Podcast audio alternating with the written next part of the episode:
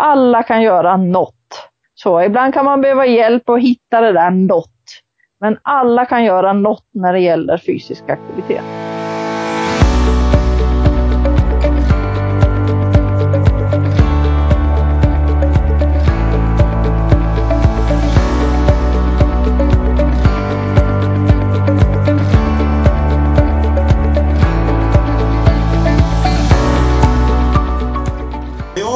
År sedan gick en utbildning i styrketräning för seniorer så noterade jag att en av mina kurskamrater var oerhört kunnig inom det här området. Hon heter Lena Markström och när jag fick höra hennes bakgrund och erfarenheter så förstod jag varför. Hon har nämligen arbetat som sjukgymnast i över 20 år och har sedan 2003 varit träningsansvarig vid Växthuset i Vällingby som är en träffpunkt för seniorer.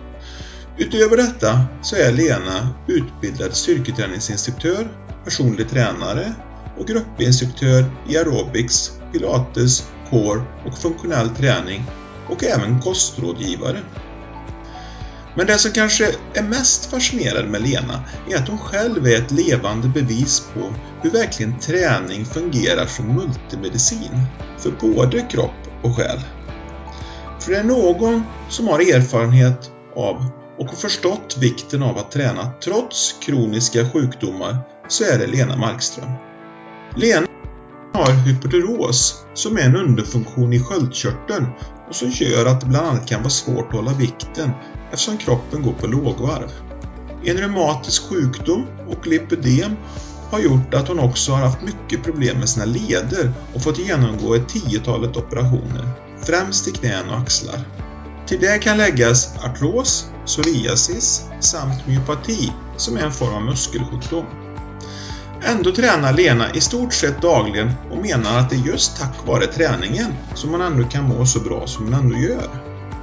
Hennes träning är allround, funktionell och består av konditionsträning, styrketräning samt på senare tid även crossfit.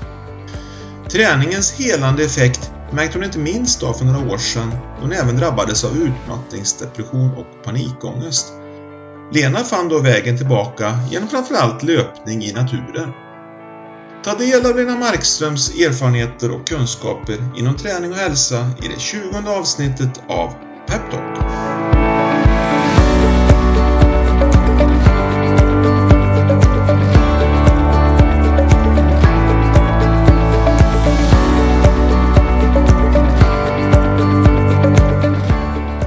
Vanlig uppfattning är att man ska vara försiktig med träning när man börjar komma upp i åren. Och i synnerhet om man dessutom drabbas av olika sjukdomar och krämpor.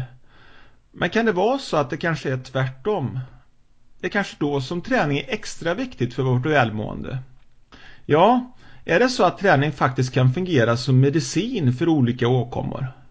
En som vet mer om träningens effekter när det gäller både sjukdomar och åldrande är Lena Markström. Jag hälsar dig välkommen till Bättre med åren. Tack så mycket. Tack så mycket. Det är jättekul att få vara med. Vi träffades ju på Bosön här för ett par år sedan. Eh, vi var på samma utbildning du och jag. Eh, det handlade om Senior Power, styrketräning för äldre med Michail Tonkonogi. Eh, och det är ju just styrketräning för äldre som du jobbar med Lena. Ja, jag jobbar med det i en stadsdel i Stockholm där det bara är personer som är över 65 år som får komma och träna. Mm. Vart är det någonstans? Det ligger i Vällingby så att det hör till stadsdelen Hässelby-Vällingby i nordvästra Stockholm. Mm. Sen tränar du ju mycket själv också har jag sett. Ja, jag gillar väl att hålla igång. Jag håller igång både på jobbet och, och privat och då märker jag att min kropp fungerar som bäst. Ja. Är det flera dagar i veckan? Eh, ja, eh, målet är sex dagar i veckan men oftast blir det bara fem om jag säger så. Eh, på fritiden då. Sen håller jag ju grupper och, och är i gymmet på jobbet. Ja, just också. det. Ja. Vad är det för träning du håller på med? Den stora favoritträningen är att springa, ja. löpning. Men för att orka med det med, med lite skador och lite sjukdomar och så, så styrketränar jag och går på crossfit som jag har hittat de senaste åren. En fantastiskt rolig träningsform. Ja, det är många som har fastnat för det. Ja. Jag har ju sett att du är aktiv på sociala medier. Det var så egentligen som jag fick upp ögonen för dig igen då efter de här åren. Mm. Du visar gärna vad du tränar. Är det en kul grej bara eller vill du inspirera andra med det? Um, det är en lite kul grej men det stora är att, att inspirera andra. Um, att man ska se att man måste inte vara 35 år och, och kanske slank och um, se ut som alla förväntar sig när man ska vara vältränad utan man kan vara medelålders kvinna med kilo lite här och lite där och ändå fungerar det med mycket träning. Mm. Det är väldigt viktigt att eh, man visar Eh, alla sidor av träning tycker jag och inte bara, eh, vad ska jag säga, det, det finns en viss eh, utseendefixering i vissa sammanhang på sociala medier och eh, det är ju inte alltid hälsa kanske. I alla. Eh, nej, det, man måste inte alls vara hälsosam bara för att man är smal. Eh, och man måste inte alls vara vältränad bara för att man är smal. Så, så jag tycker det är jätteviktigt att, att visa det här att, att alla kan och alla kan tycka att det är roligt. Mm så eh, och träna. Ja, om vi tar det från grunden lite här då skulle jag vilja fråga egentligen, vem är Lena Markström? Ja, en 55-årig eh, tvåbarnsmamma som um, allmänt djurtokig förutom träningen då. Um, som har hållit på med träning kanske hela livet men aldrig på någon hög nivå. Jag har inte gillat tävlingar och aldrig varit bäst i någonting. Men, men eh, jag gillar att hålla igång men jag har nog aldrig tränat så mycket som de senaste fem, åtta åren tror jag. Nej. Vad var, var det i, i, idrott? Någon form av idrott när du var yngre eller? Um, uh, när jag gick i, i grundskola och gymnasiet så, så höll jag på med simning och lite handboll. Uh, sen pajade mitt ena knä. Uh, jag höll på med ridsport också och jag fick en häst över mig så mitt ena knä pajade. Så jag fick sluta med handbollen. Ja. Uh, sen har jag hållit på lite med löpning fram och tillbaks. Mest för jag tänkte att det var en metod att gå ner i vikt. Uh, som många andra. Uh, och då gjorde man det mer för att man skulle. och när jag fick lite skador och, och en reumatisk sjukdom som jag har, då började jag styrketräna och det var väl i 20-årsåldern. Och sen är det styrketräningen som har varit, varit det stora då. Det som jag måste hålla igång med för att klara av att springa. Mm. Men styrketräning på den tiden var inte lika vanligt som det är idag? Nej, nej. Och det var en läkare som skickade mig i 20-årsåldern och sa att du måste gå på gym och träna för din rygg kommer inte att hålla annars. Eh, och då bodde jag i Helsingborg och gick på ett World Class som jag hittade på någon bakgata där. Och blev så otroligt väl omhändertagen. Det var bara, eh, nästan bara killar, nästan bara bodybuilders. Mm. Uh, och de, de visar mig verkligen hur roligt det kan vara att styrketräna. Uh, så att sen dess har jag haft en stor kärlek till, till ren styrketräning. Mm. För det var innan, innan egentligen eh, gymmen spred sig över landet då var det mer kanske källarlokaler med tyngdlyftar ja. och så vidare. Men... Ja, så var det. Ja, ja, ja, ja. Det, det luktade av allt eh, proteinpulver och allt vad de satte i sig och det, det var liksom bara tunga hantlar och så men det, de visade hur roligt det kunde vara och de visade all teknik och allting så jag är, är de evigt tacksamma byggarkillarna.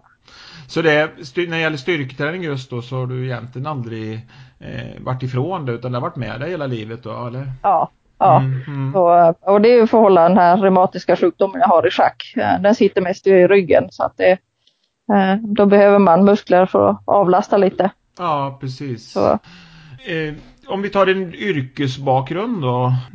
Du jobbar ju nu som du säger med styrketräning här för äldre, eller träning för äldre.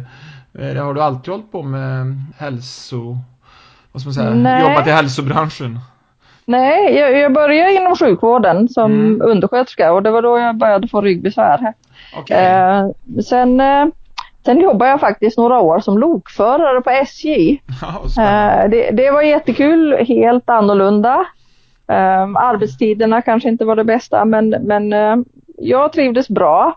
Eh, men när SJ sa upp folk så var jag sist anställd så det var inte så mycket att be för och då fick man gå på Arbetsförmedlingen för att ta reda på vad man skulle passa som.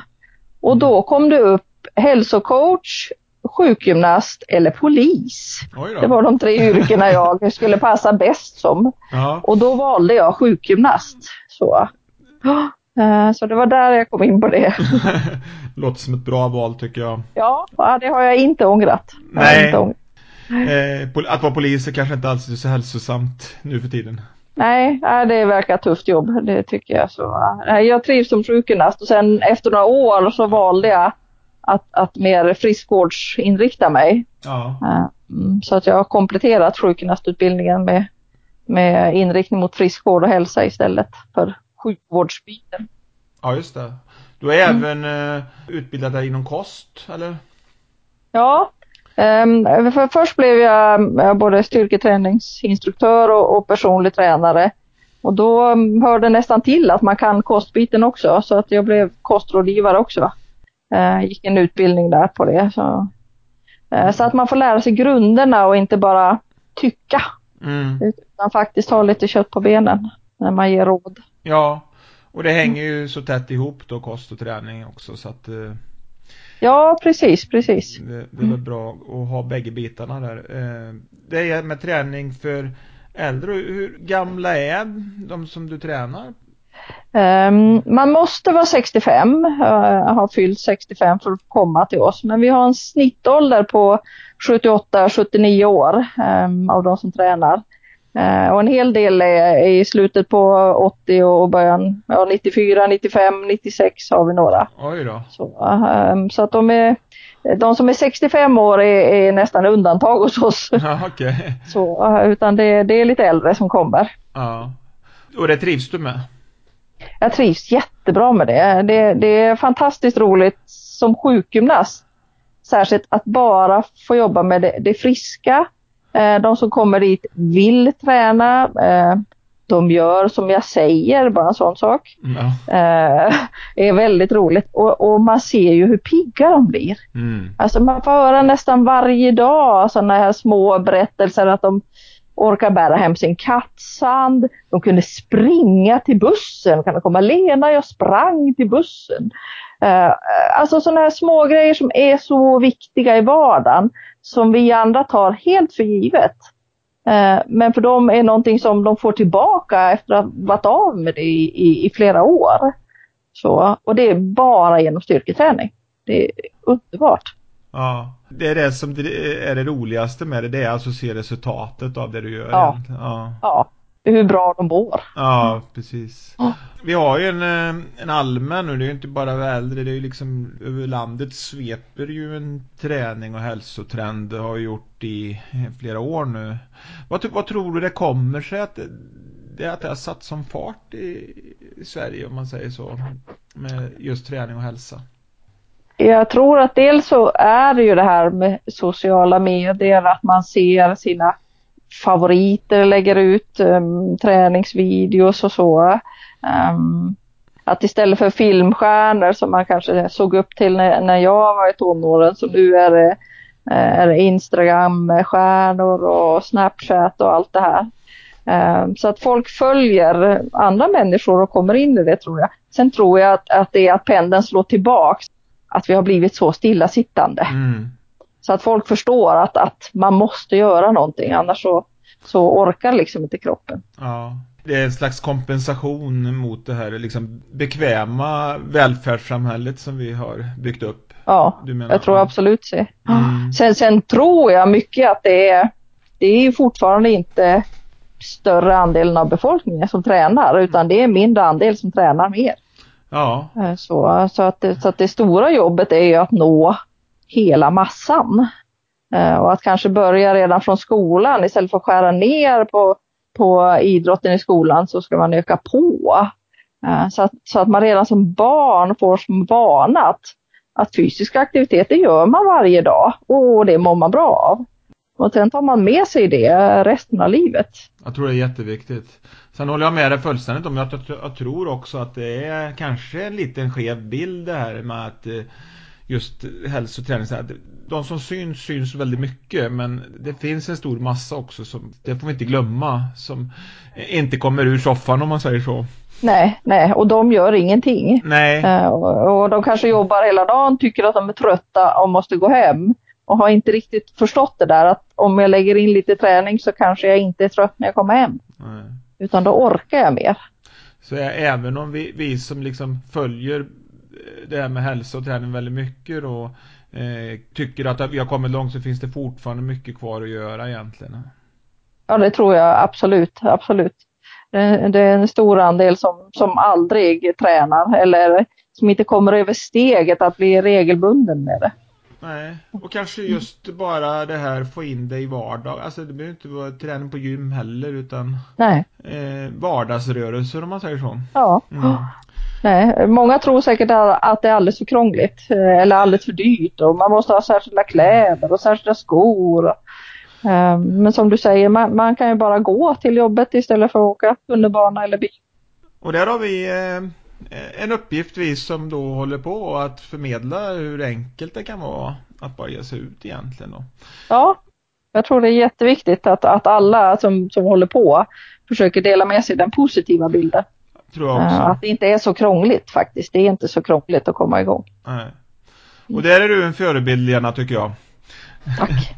eh, om vi kommer in på, eh, det kan eh, ju låta lite tråkigt kanske för en del men eh, det är ju faktiskt väldigt vanligt med olika sjukdomar, åkommor och eh, skador, skavanker och inte minst när man börjar komma upp i åren så tror jag ingen eh, har lyckats liksom klara sig utan att man råkar ut för det ena och det andra. Nej. Eh, och du har ju mycket sjukdomar och åkommor, eller mycket så jag inte säga, men det är ju ett antal då som gör att man nästan, ja man förvånas över att du kan hålla igång så som du gör. Eh, men som jag sa inledningsvis eh, så kanske det är så att, och det säger ju du själv också, att det kanske är just därför att du kan träna som du också eh, kan liksom ja, må så pass ändå bra som du gör. Ja men eh, det är jag övertygad om. Ja. Vad, vad, vad är det du har för åkommor idag? Um? Ja, um, alla åkommor jag har Nej, det behöver du inte dra, men jag så, tänker det som... Jo, det som jag, jag kan dra. Um, um, jag är reumatiker, jag har en reumatisk sjukdom som heter Bechdrev. Mm. Uh, som sitter framförallt i rygg och bäcken. Uh, men som jag har fått göra lite operationer av axlarna och så för att uh, ta bort de värsta skadorna som den har åstadkommit. Mm. Sen har jag något som heter lipödem som är inflammatoriska fettansamlingar från, ja, från midjan och neråt på benen och rumpan och överarmarna har jag och då gör det lite ont att röra sig för det här inflammerade fettet gör ont. Eh, och det är de två sjukdomarna som gör mest att man kanske egentligen inte vill röra sig. Eh, och de har också lett till att jag har artros i, eh, i knäna och lite i axlarna. Mm. Eh, men samtidigt så är det ju så att ju mer muskler man har desto mindre ont gör de. Mm. Um, så att man får liksom inte sluta. Man får inte göra uppehåll. Um, är man bortrest på semester så gäller det att hålla igång under semestern. Annars så märker jag direkt att jag får ondare i knäna och i ryggen.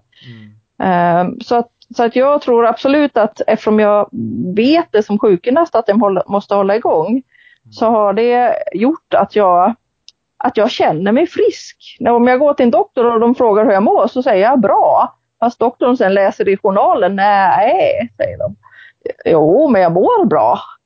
Uh, och jag känner mig inte sjuk. Och om de ber mig rabbla upp mina sjukdomar så brukar jag alltid glömma någon.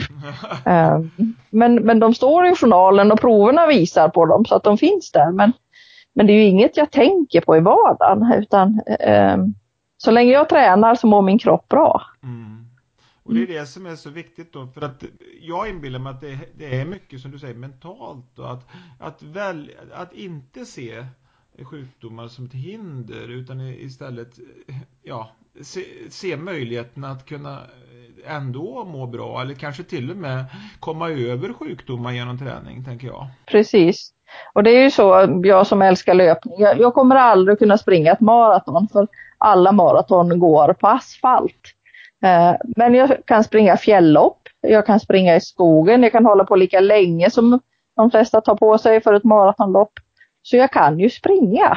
Sen får jag låta bli att springa på asfalt men det är ju ingen, det är ju inget som jag måste göra utan då väljer jag att göra det jag kan istället. Ja, precis. Se, se möjligheterna, ja. Ja, ja. Mm. Det var lite retligt för jag har gjort nio tjejmilar. Jag hade velat göra tio. Ja. Men jag, jag får liksom ge upp den tanken och hålla mig till min skog istället. Ja, det är fantastiskt. Ja, Ja, jag, kan, jag kan säga just det där att se möjligheter då till vad man kan göra istället för att se vad man inte kan göra. Det är ju jag, jag opererade ju, jag hade två knäoperationer inom loppet av ett år nu för ett par år sedan. Och eh, vid första tillfället då så gick jag ju på kryckor och ja, jag, då, då blev det ingen träning på, jag tror det var sex veckor eller någonting. Och sen så körde jag igång med rehab och, och jag är tävlingsmänniska lite grann och så jag körde på lite för hårt så att eh, med rehaben. Så, så att eh, ja, det blev ett bakslag helt enkelt.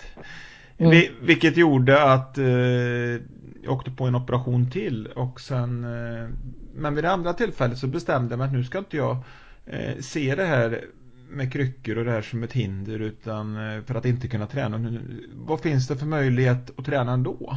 Och då blev det, jag satt på en stol och körde stakmaskin, jag körde roddmaskin med ett ben och, ja. och, och så vidare och så vidare. Och jag insåg ju att jag kunde ju träna det mesta faktiskt. ja, precis så har jag gjort. Jag sitter och ler så igenkännande. Jag har gjort precis samma sak efter mina, mina knä och axeloperationer. För det är ju en kroppsdel som är skadad. Jajamensan. Ja. Man har ju en hel kropp kvar. Så, för när man läser det sociala medier och så, jag har opererat knät, nu kan jag inte göra någonting på flera veckor. Ja men andra benet då? Man kan sätta upp stolen på en pall, cykla med ett ben, går alldeles utmärkt. Jag har stått på ett ben och slått på en boksäck bara för att hålla igång överkroppen. Det gick jättebra, jag hade suverän balans efter det. Så eh, man kan alltid göra någonting. Alltid. Precis. Det är, bara, det är bara fantasin som sätter stopp egentligen. Ja, ja. Ja. Så, och, och det är då det är jätteroligt att vara sjukgymnast när man träffar de här personerna. För då kan man komma på så många saker som går att träna. Ja. Så, eh, och det är jätteroligt när då någon följer de råden och, och eh, säger ah, liksom, vilka fantastiska råd. När jag sen får börja träna den skadade kroppsdelen då är man ju redan i form. Liksom. Man har inte tappat någonting. Nej, och det är väl dessutom så, nu vet inte jag vetenskapen, jag, jag har läst någonstans att det har en viss överföringseffekt också. Eh, Alltså, alltså om jag tränar det friska benet så, så får det skadade benet nytta av det på något sätt. Ja, det fick jag faktiskt lära mig på sjukgymnastutbildningen. Jag har inte läst någon, någon vetenskaplig studie bakom på de senaste åren, men jag fick också lära mig det. Eh, och det har jag för, fört ut. Eh, det var någon gång jag var på ett gym eh, i Vällingby och tränade en arm. Jag körde bröstpress och då kom det fram en ung kille och sa du kan inte bara träna en, det blir snedbelastning. Och då frågade jag bara varför?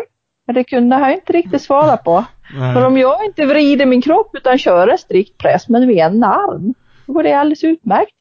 Så, eh, och jag är som du, att jag fick också lära mig att, att eh, den kroppsdel man håller stilla förlorar mindre eh, ifall man håller igång den friska motsvarande.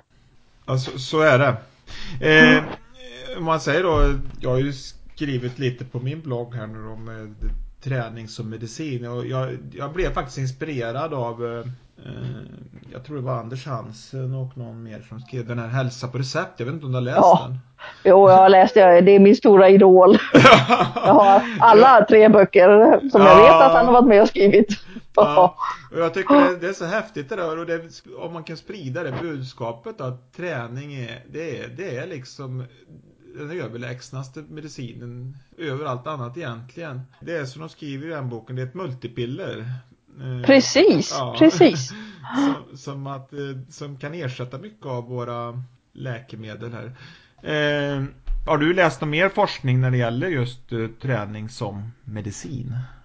Ehm, det, det finns ju en bok som heter eh, FYSS Mm. som är en Ja, motsvarighet mot FASS. Och, och FYSS är fysisk aktivitet som sjukdomsprevention och sjukdomsbehandling. Mm. Eh, och det är ju vetenskapligt framtagna behandlingsprinciper på en lång, lång, lång rad eh, sjukdomar.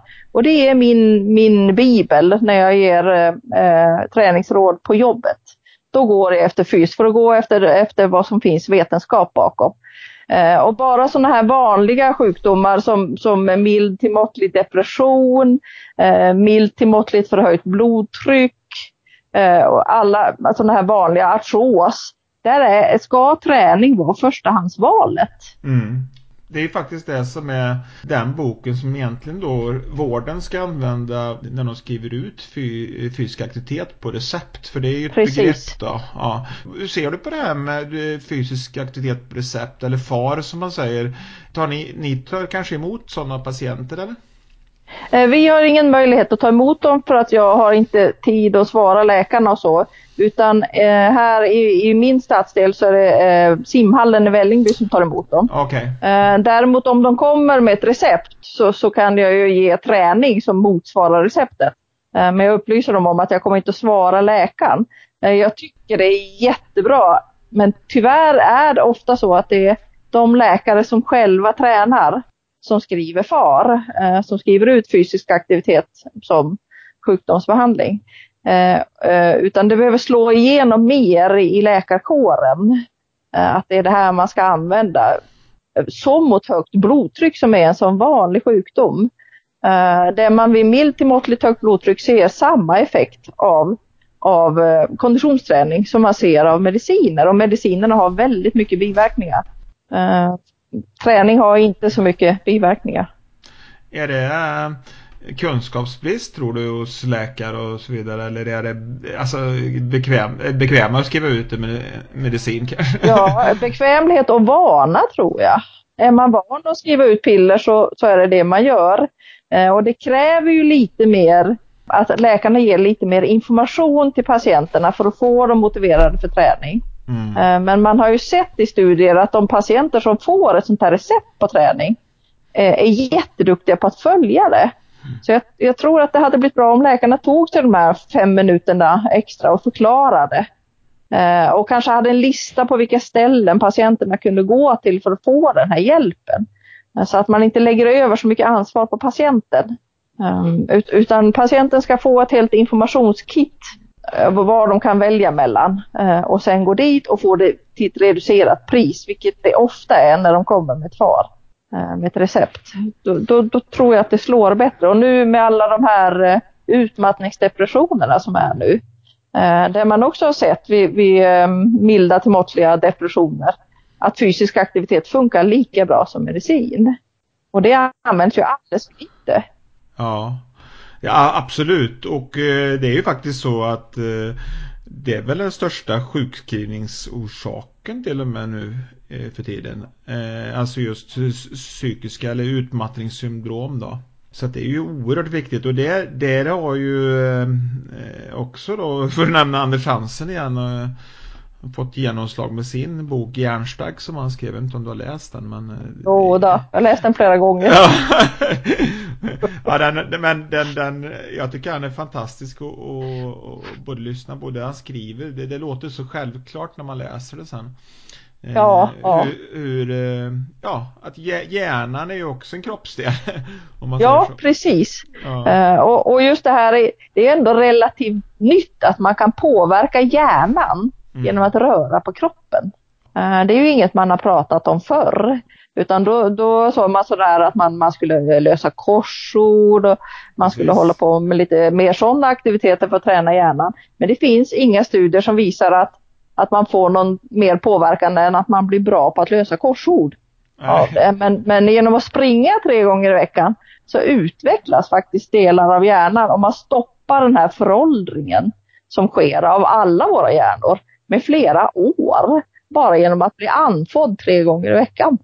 För du har ju själv drabbats av utmattningssyndrom vid något tillfälle, eller utmattningsdepression kanske Ja. man ska säga. Eh, vad tror du det beror på att det är så vanligt? Vad, vad hände dig? Eh, Det som hände mig är nog inte det vanligaste sättet utan det var en nära anhörig som var väldigt sjuk. Mm. Eh, Och jag gick helt upp i det, eh, i den personens sjukdom och, och glömde totalt bort mig själv. Så, eh, och sen vaknade jag en morgon och skulle läsa tidningen och kunde inte läsa. Jag såg inte vad det stod. Aha. Eh, Alltså jag fick inte ihop bokstäverna till något ord. Och då, då förstod jag att, att det här är liksom allvarligt. Eh, Så jag gick direkt till vårdcentralen och fick en fantastisk husläkare som kopplade vad det var på en gång. Sjukskrev mig, fick kämpa mot Försäkringskassan för de ville inte godkänna det först. Eh, men han hjälpte mig jättemycket. Och han sa till mig att jag skulle komma ut. Jag skulle komma ut och röra på mig. Så att det var, då kom jag verkligen på hur mycket skogen och löpning i skogen betydde. För det var enda gången min hjärna blev tyst.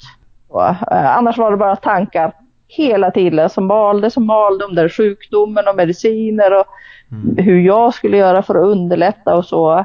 Men när man sprang i skogen, när man sprang så man blev trött och bara lyssnade på skogen så försvann alla de tankarna och man blev lugn. Så jag kan säga att det, jag fick också mediciner men det, det var de här skogsrundorna mm. eh, som fick mig tillbaka. Så jag fick, kunde snabbt sluta med medicinerna eh, och fortsätta med löpningen då. Men du kom igång ganska fort då med träning och... Ja, jag, jag var ju redan igång då men, men eh, jag började springa långa runder. Jag kom på att jag, är, eh, jag har aldrig varit snabb, jättedålig på att springa snabbt. Men jag kan hålla på väldigt länge. Ja. och det utnyttjade jag då. Så, eh, och ju längre jag höll på desto tröttare kroppen blev, mm. ju bättre mådde hjärnan. Ja, det finns en tendens eh, till eh, quick fix, eller vad man säger, intervall och high intensity training och allt vidare. Eh, blandat är nog bäst kanske. Jag tror det också. Jag springer också intervaller ibland och det kan vara kul att ta ut sig på det viset. Men just den här känslan av att hålla på länge och bara liksom bara njuta. Man blir egentligen inte jättetrött, man bara njuter och är lite lagom andfådd. Den är nästan oslagbar alltså. Ja. Nu kom ju du som sagt ut eh, och, och hittade då träningen ganska fort. Eh, men ofta kan väl det vara ett problem då om du drabbas av utmattningsdepression att eh, du är så djupt ner så att säga, du, du tar dig aldrig ut. Och så, Nej. Det, det, blir lite moment 22. Du vet att egentligen borde ut och röra men du orkar inte helt enkelt. Eh, hur, hur, tror du, eller har du några tips eller råd där hur man liksom ska ta sig ur sängen så att säga och börja komma igång? När man är i det läget så att säga som du, du ändå har erfarenhet av. Ja. Eh, jag tror att man för det första måste släppa alla krav och bara tänka att om, om jag går runt huset idag så är det bra idag. Uh, och nästa dag kanske du kan gå två varv runt huset. Um, så att man har som mål att man ska komma ut ur huset. Så ut i dagsljus varje dag. Uh, och det kan vara fem minuter i början, för, för allt är bättre än ingenting. Mm. Uh, för är man deprimerad då man tar sig inte för någonting. Det var ju en fördel för mig att jag visste vad jag drabbades av. Jag förstod det när jag inte kunde läsa morgontidningen att, att jag hade gått in, att jag hade blivit utbränd som man säger. Eh, jag fick ju panikångest också när jag var och handlade, när jag träffade mycket folk. Så jag fick ju tvinga mig själv till att gå och handla varje dag. Eh, bara för att inte låta det bli ett hinder. Så, eh, så, att, så att jag tror att man, man måste få så mycket kunskap, man måste ha stöd. Jag hade min familj och en fantastisk husläkare, verkligen helt underbar, som mm. stöttade mig så mycket. Så att man, orkar ta sig för de här små sakerna i början. Så att, så att man behöver hjälp och stöd av någon. Ja, och precis som du säger där, gå ut och gå runt huset och så vidare, eller i kvarteret. Är det också så då, precis som du säger då, det har man ju hört många gånger det här att det, många tycker det är jobbigt att eh, möta andra människor när man är i läget och då kanske man ser just det här att ge sig ut och särskilt då kanske ge sig till ett gym eller någonting som är väldigt jobbigt. Ja, och då, då behöver inte alls vara något krav, utan det är det här att ta dig ut och röra på dig som, som ska vara grunden. Sen kommer det ju mer och mer och ofta behöver man ju mediciner också. Man ska inte förringa medicinernas roll. Är man djupt deprimerad så behöver man medicinerna. Men just fysisk aktivitet kan ju göra att man kommer tillbaks fortare och att man mår lite, lite bättre under den tiden man tränar i alla fall. Och, och, det kan vara nog så viktigt att att få en halvtimme per dag där man inte mår jättedåligt. Utan man får en halvtimme per dag där man kan slappna av och se att solen skiner. Mm. Och det är väldigt bra du säger fysisk aktivitet istället för träning Lena för att ja. eh, det, är, det är en viss skillnad faktiskt. Eller ja, skillnad är, men det, det, är ju ändå eh, träning kan låta lite jobbigt. Ja, precis. Ja, man behöver inte byta om, man behöver inte ha värsta löparskorna på utan man tar på sig sina joggingbyxor, en varm tröja och en jacka och så går man ut bara. Mm. Så, eh, så, så kommer det andra sen. Um, det, det, är jag övertygad om. Um, att man, kroppen behöver lite hjälp att läka. Mm. Så. Ja, det är bra. Sen är jag, jag är lite nyfiken på just det här som du håller på med seniorträning då. Eh, just träning för åldrande. Det är ju lite eh, ett litet eh, fokus som jag har på i det jag håller på med. Du möter ju mycket äldre människor då dagligen här och som du får igång dem att röra på sig helt enkelt. Vad är det som händer när man åldras egentligen? Vad är det för funktioner som försämras som man liksom behöver stärka? Eh, rent i våran muskelmassa så är det så att vi tappar eh, det som man brukar kalla för de snabba muskelfibrerna. Eh, de muskelfibrerna som vi använder när vi styrketränar, som vi behöver om vi snubblar, om vi håller på att ramla, när man ska göra en snabb rörelse. De tillbakabildas när vi blir äldre. Och de är ju särskilt viktiga eftersom balansen kan bli sämre av andra orsaker också.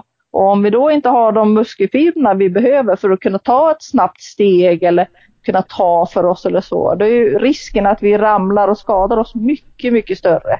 Mm. Um, eller um, för att resa sig upp från en stol behöver man de här snabba, starka muskelfibrerna. Uh, för att armarna, det vi gör med armarna kan man ofta kompensera med hjälpmedel och så. Men när vi inte längre kan resa oss upp med hjälp av våra ben, då behöver man mycket hjälp. Eh, och det är de här fibrerna, den här muskeltyperna som vi tränar när vi styrketränar.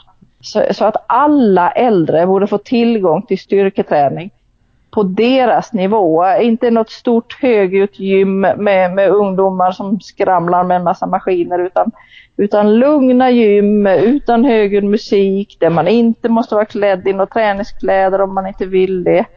Eh, och kan få hjälp med hur man använder maskinerna. För de, de flesta har aldrig varit i ett gym, särskilt kvinnorna. Eh, de kanske aldrig har tränat någonting i hela sitt liv, men att de har cyklat mycket, för det är många som har gjort. Eh, och, och, då går man inte upp på någon av våra stora gymkedjor och frågar om kan du hjälpa mig med maskinerna. Man, man vågar inte, man vill inte, man känner sig helt utanför. Och då är det viktigt att det finns de här alternativen. Eh, en del gym satsar ju på seniorträning eh, och det är fantastiskt att det, att det börjar komma fram sådana gym. Men, men eh, de flesta gym är ändå inriktade mot lite yngre. Mm. Så. Det, det, det, är rätt. Men samtidigt som jag tror det håller på att öka faktiskt med seniorer på gym. Och, och det ja. börjar också komma gym som då nischar in sig på äldre. För att för varje år som går så är vi allt fler yngre som blir äldre så att, om du förstår Ja mig. precis, precis Som kanske är vana vid att gå på gym så att eh, det kommer ju säkert att öka, det tror jag eh, Ja, när 40-talisterna eh, blir äldre, de är ju ofta lite mer träningsvana. Men det är, det är fortfarande så, även om det blir fler äldre på våra gym, så är det de friska äldre. Ja, de som själva tar sig för att gå dit. Det är inte de som är lite skröpliga som kanske går med rollator eller behöver ha en kryckkäpp med sig runt eller mm. behöver väldigt mycket hjälp, eh, vilka maskiner som passar till deras fysiska besvär och åkommor. Mm. Så, eh, så, att, så att det behövs lite mer inriktning till de som är lite svagare. Ja. Är, ja. du, du, lyfter verkligen fram styrketräningen. Är, är det den, eh, styrk, eller den träningsformen som du anser är den viktigaste när man blir äldre. Många går ju många går med stavar och så vidare, du säger en del. Om vi tar eh, vanliga promenader och styrketräning. Eh.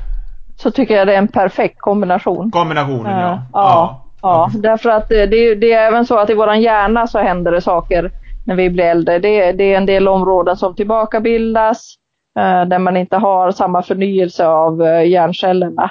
Och det kan man också, um, inte helt ta bort, men man kan i varje fall sakta ner den processen genom konditionsträning. Så alltså det, det, bästa är de här promenaderna och gärna då så att man blir andfådd. För det är där man ser att när, när man går eller springer, om man nu kan det, så fort så att man blir andfådd, det är då man får den här effekten på hjärnan också. Inte, inte bara på hjärta och resten av blodcirkulationen utan, utan på våran hjärna. Så så stavgång är ju underbart för då kan man ofta gå lite fortare eh, och bli lite andfådd. Det är en väldigt underskattad träningsform, tycker mm. jag. Man liksom får syresätta sig ordentligt och få upp pulsen lite. Ja, ja, ja. precis så. Och jag brukar alltid, för det är många som säger men jag orkar inte gå så att jag blir andfådd. Uh, och då brukar jag föreslå uh, lyktstolpar. Det är ett fantastiskt hjälpmedel. För det, det är liksom ungefär 25 meter mellan varje lyktstolpe. Så om man går fyra lyktstolpar, då har man gått 100 meter. Så gör man det så fort man kan. Och sen går man långsamt till man tycker att andningen nästan är tillbaks. Och så går man fyra lyktstolpar igen. Eh, det är intervallträning, fast på deras nivå.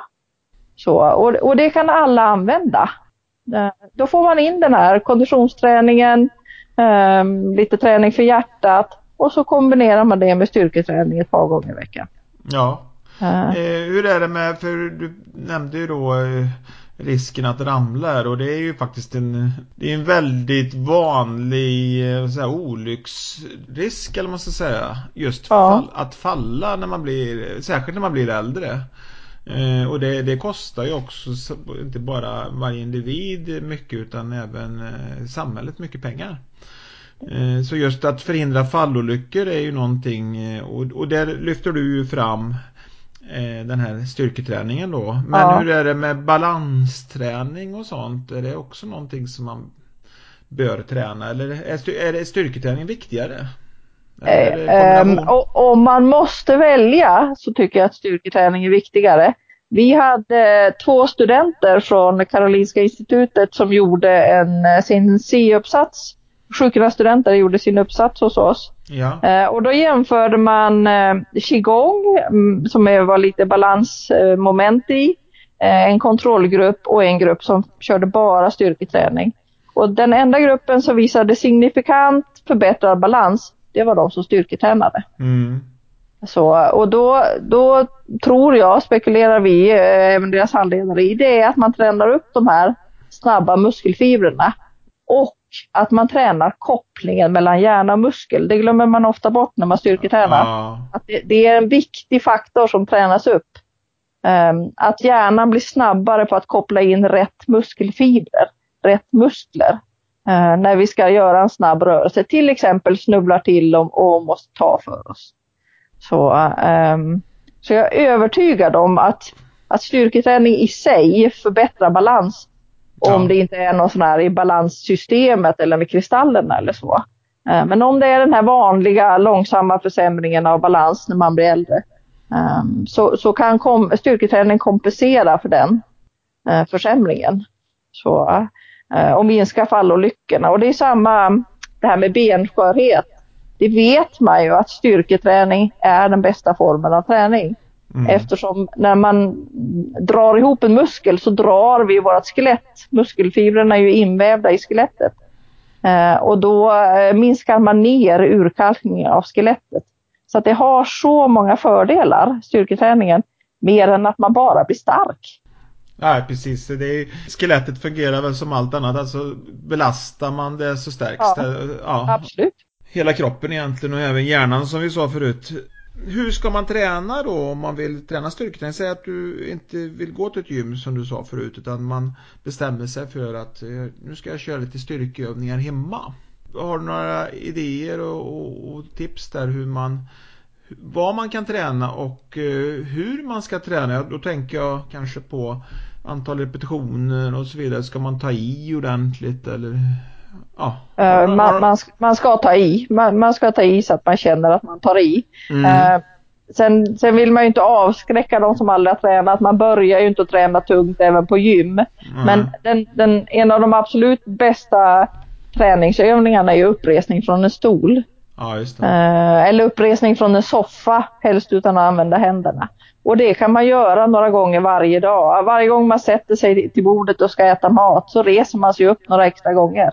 Ja. Eh, så får man den här viktiga träningen för lårmusklerna och då gärna resa sig upp med lite fart och lite kraft och sätta sig ner långsamt. Om man gör det fem gånger varje gång man sätter sig på att äta en måltid så har man lite styrketräning av benen. Eh, sen är ju gummiband också lite underskattat. Det är enkelt att köpa sig ett gummiband på vilket apotek som helst. Uh, och, och, där kan man också få tips med på övningar, brukar ofta ligga med i förpackningen. Ja, ja, det, så det finns. Uh... Så, och, det, och då kan man ju inte det. Jag tycker ju benen är viktigast. Um, som jag sa innan, det är viktigast att vara stark i benen. Så, men sen kan man lägga till rygg och, och mage och armar, vad man vill. Just det där med benen som du säger, det är ju mycket det som är Alltså som påverkar livet i stor utsträckning. Att man kan ja. gå i en trappa, att man kan resa sig från en stol.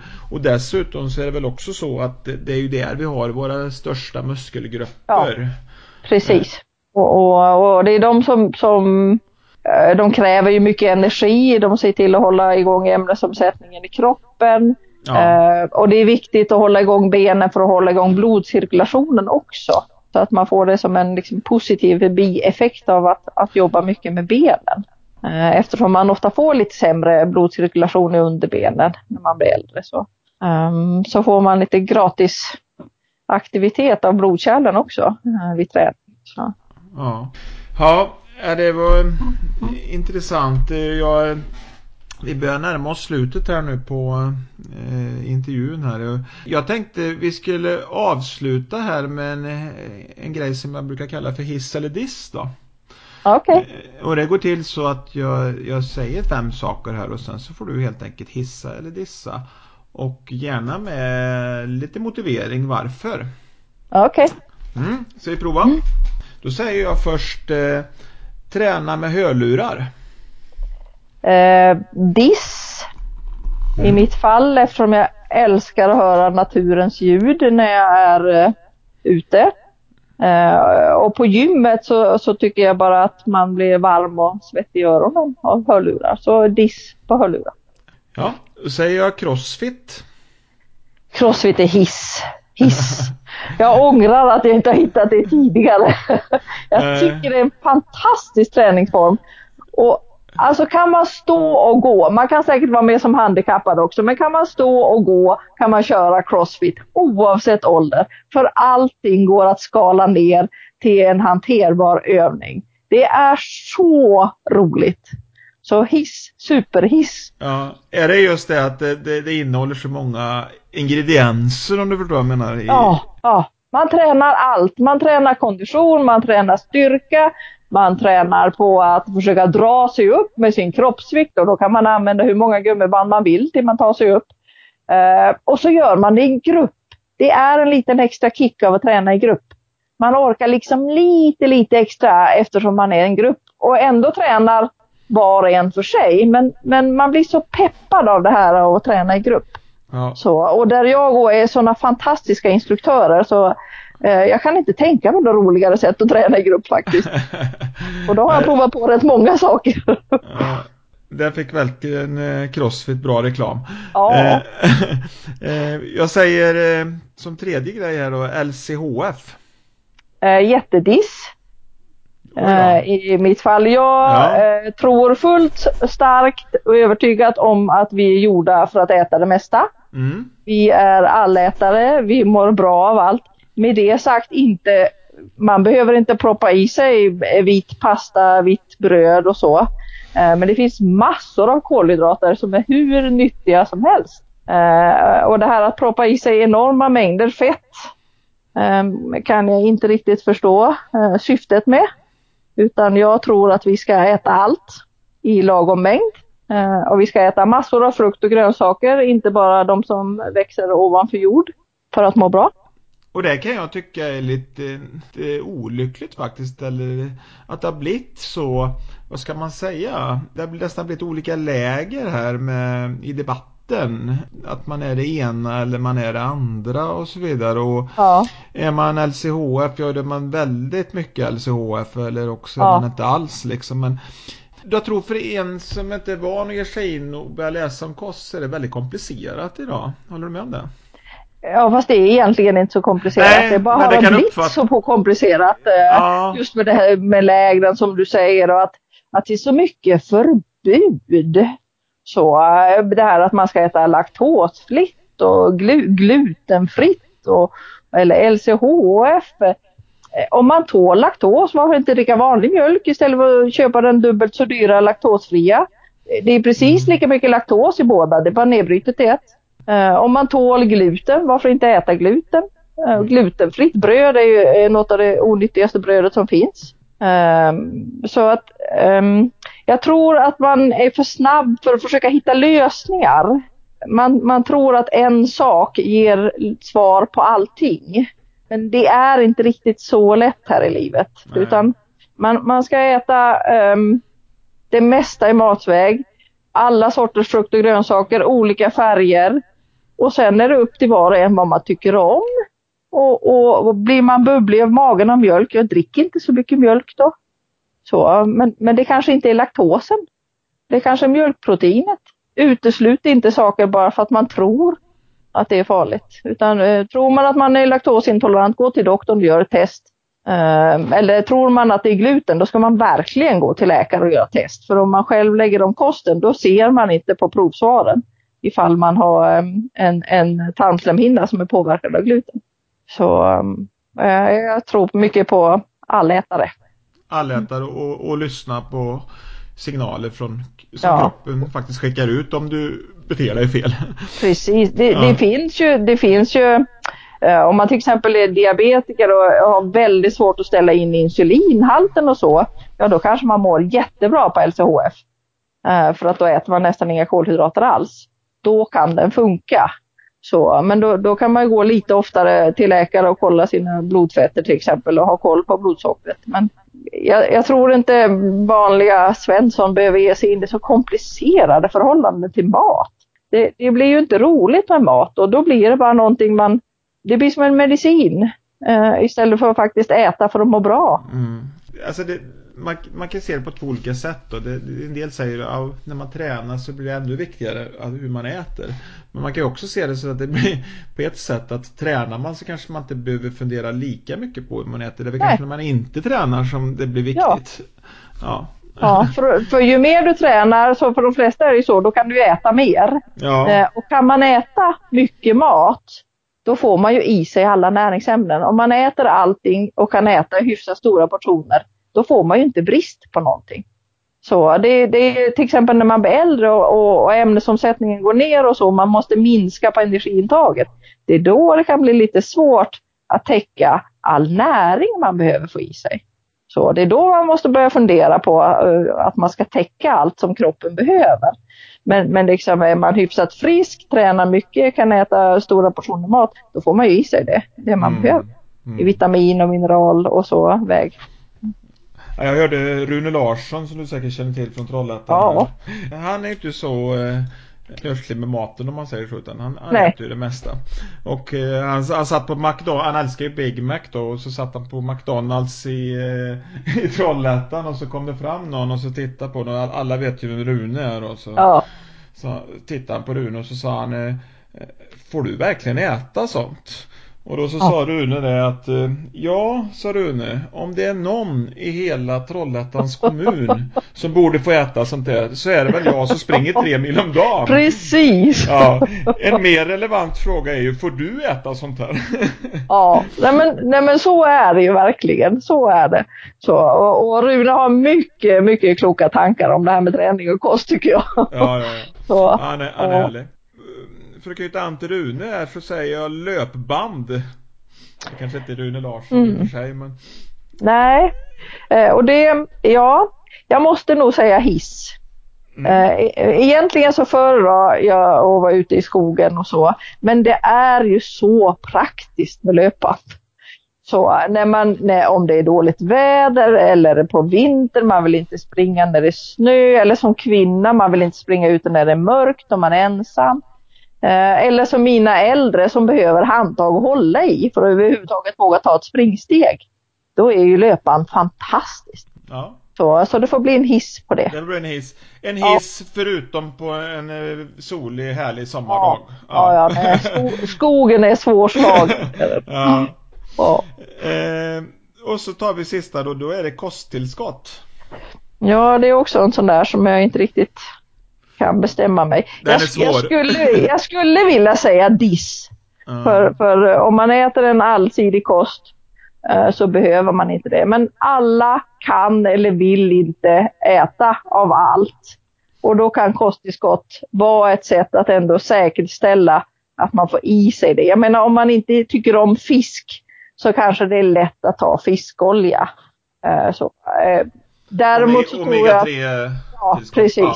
precis. Mm. Bara man tänker på att man inte äter blodförtunnande för då blir det inte så bra eh, med omega-3. Men, men eh, eh, och det är ju många äldre som inte får i sig och, och tarmslemhinnan kan bli lite skörare eller ha lite svårt att ta upp vissa saker och så. Och då kan kosttillskott vara alldeles utmärkt. Faran är de som tar flera olika tillskott som kanske innehåller lite olika saker. För även jättenyttiga saker som vitaminer och mineraler kan ju bli giftiga i för stor dos. Eh, och äter man till exempel multivitamintablett och så äter man D-vitamin på vintern och så skriver doktorn ut kalcium med D-vitamin. Då blir det lite för mycket av D-vitaminer. Så att, så att man ska inte ta det okritiskt. Eh, gärna i samråd med läkare eller om man vet om att nej men jag äter aldrig fisk till exempel. Eller jag är reumatiker, vi mår bra av omega-3. Eh, så. Men, men ett litet kritiskt öga, alltså, vi säger väl en svag hiss om man behöver det. Ja, och det är Möjligtvis. kanske just precis som du säger omega-3 då eftersom vi ja. i, i Norden äter vi eh, normalt, alltså medel personen i Norden äter väl kanske lite för lite marin mat ja. helt enkelt om man jämför Precis. med. Ja. Precis, så, vi är lite dåliga på fisk. Vi är lite dåliga på det. Ja, ja. Men så, så är det. Men vad bra Lena, det, det, fick jag lite tankar också med den här intervjun på ja hur jag ska fortsätta träna när jag blir äldre och om jag råkar ut för åkommor som jag redan har gjort också då, diverse här. Ja, jag, jag eh. följer dina cykel, cykellopp här så ja, jag verkar hålla igång rätt bra. Ja, ja, ja. Det, jag, jag tänker eh, nu när jag kör det här bättre med åren måste jag också, jag måste också prova själv om det verkligen går att bli bättre med åren. Men det, ja. Äh, än så länge så tror jag på det. Ja, men det tror jag också. Bara ja. genom crossfiten så har jag faktiskt ja. blivit starkare i vissa saker och ändå har jag styrketränat så pass länge så det, det går att förbättra sig. Ja. Sen, är, sen får man ju ta det lite, alltså att bli bättre, alltså det handlar om att eh, hålla sig pigg och frisk så kan man väl säga att man blir på något sätt bättre med åren mot många andra som inte Ja, gör. och sen brukar jag säga till mina seniorer att det normala, nu är de liksom närmare 80-90 kanske, det normala i den åldern är ju att man blir svagare. Ja. Så att bara genom att bibehålla starka, äh, styrkan så har de ju egentligen blivit starkare. Exakt. Så, ja, så, och det är många som blir tröstade av det när de tycker att ja, men jag kan ju aldrig öka vikten. Liksom, och så är man 89 år. Ja men du har heller inte behövt sänka den säger jag. Nej det är precis som du säger. Att bibe när du kommer över en viss ålder där så att bibehålla ja. är en förbättring. Precis, precis. De har inte försämrats så. Nej. Så man får se det så också. Ja. Ja, eh, då tänkte jag egentligen bara höra här eh, dels om du tycker att jag missat någonting som du skulle vilja lyfta fram eller ifall du har något eh, annat du skulle vilja något budskap eller liknande du skulle vilja skicka med till lyssnarna här innan vi avslutar? Nej men budskapet är väl mer det som du också säger att det är aldrig för sent. Mm. Och sen tror jag starkt på det här att alla kan göra någonting. Alla kan göra något. Mm. Så ibland kan man behöva hjälp att hitta det där något. Men alla kan göra något när det gäller fysisk aktivitet. Ja, och mm. med, med det så tackar jag dig Lena för att eh, du var med på det här och jag tycker det var ett jättebra samtal och hoppas att det kan inspirera många till att eh, röra sig oavsett ökad ålder och kanske åkommor och sånt som kommer utan man fortsätter att hänga i för välmåendets skull. Ja. Tack så hemskt mycket Lena. Tack själv, tack. Mm. Hej, hej. Hej.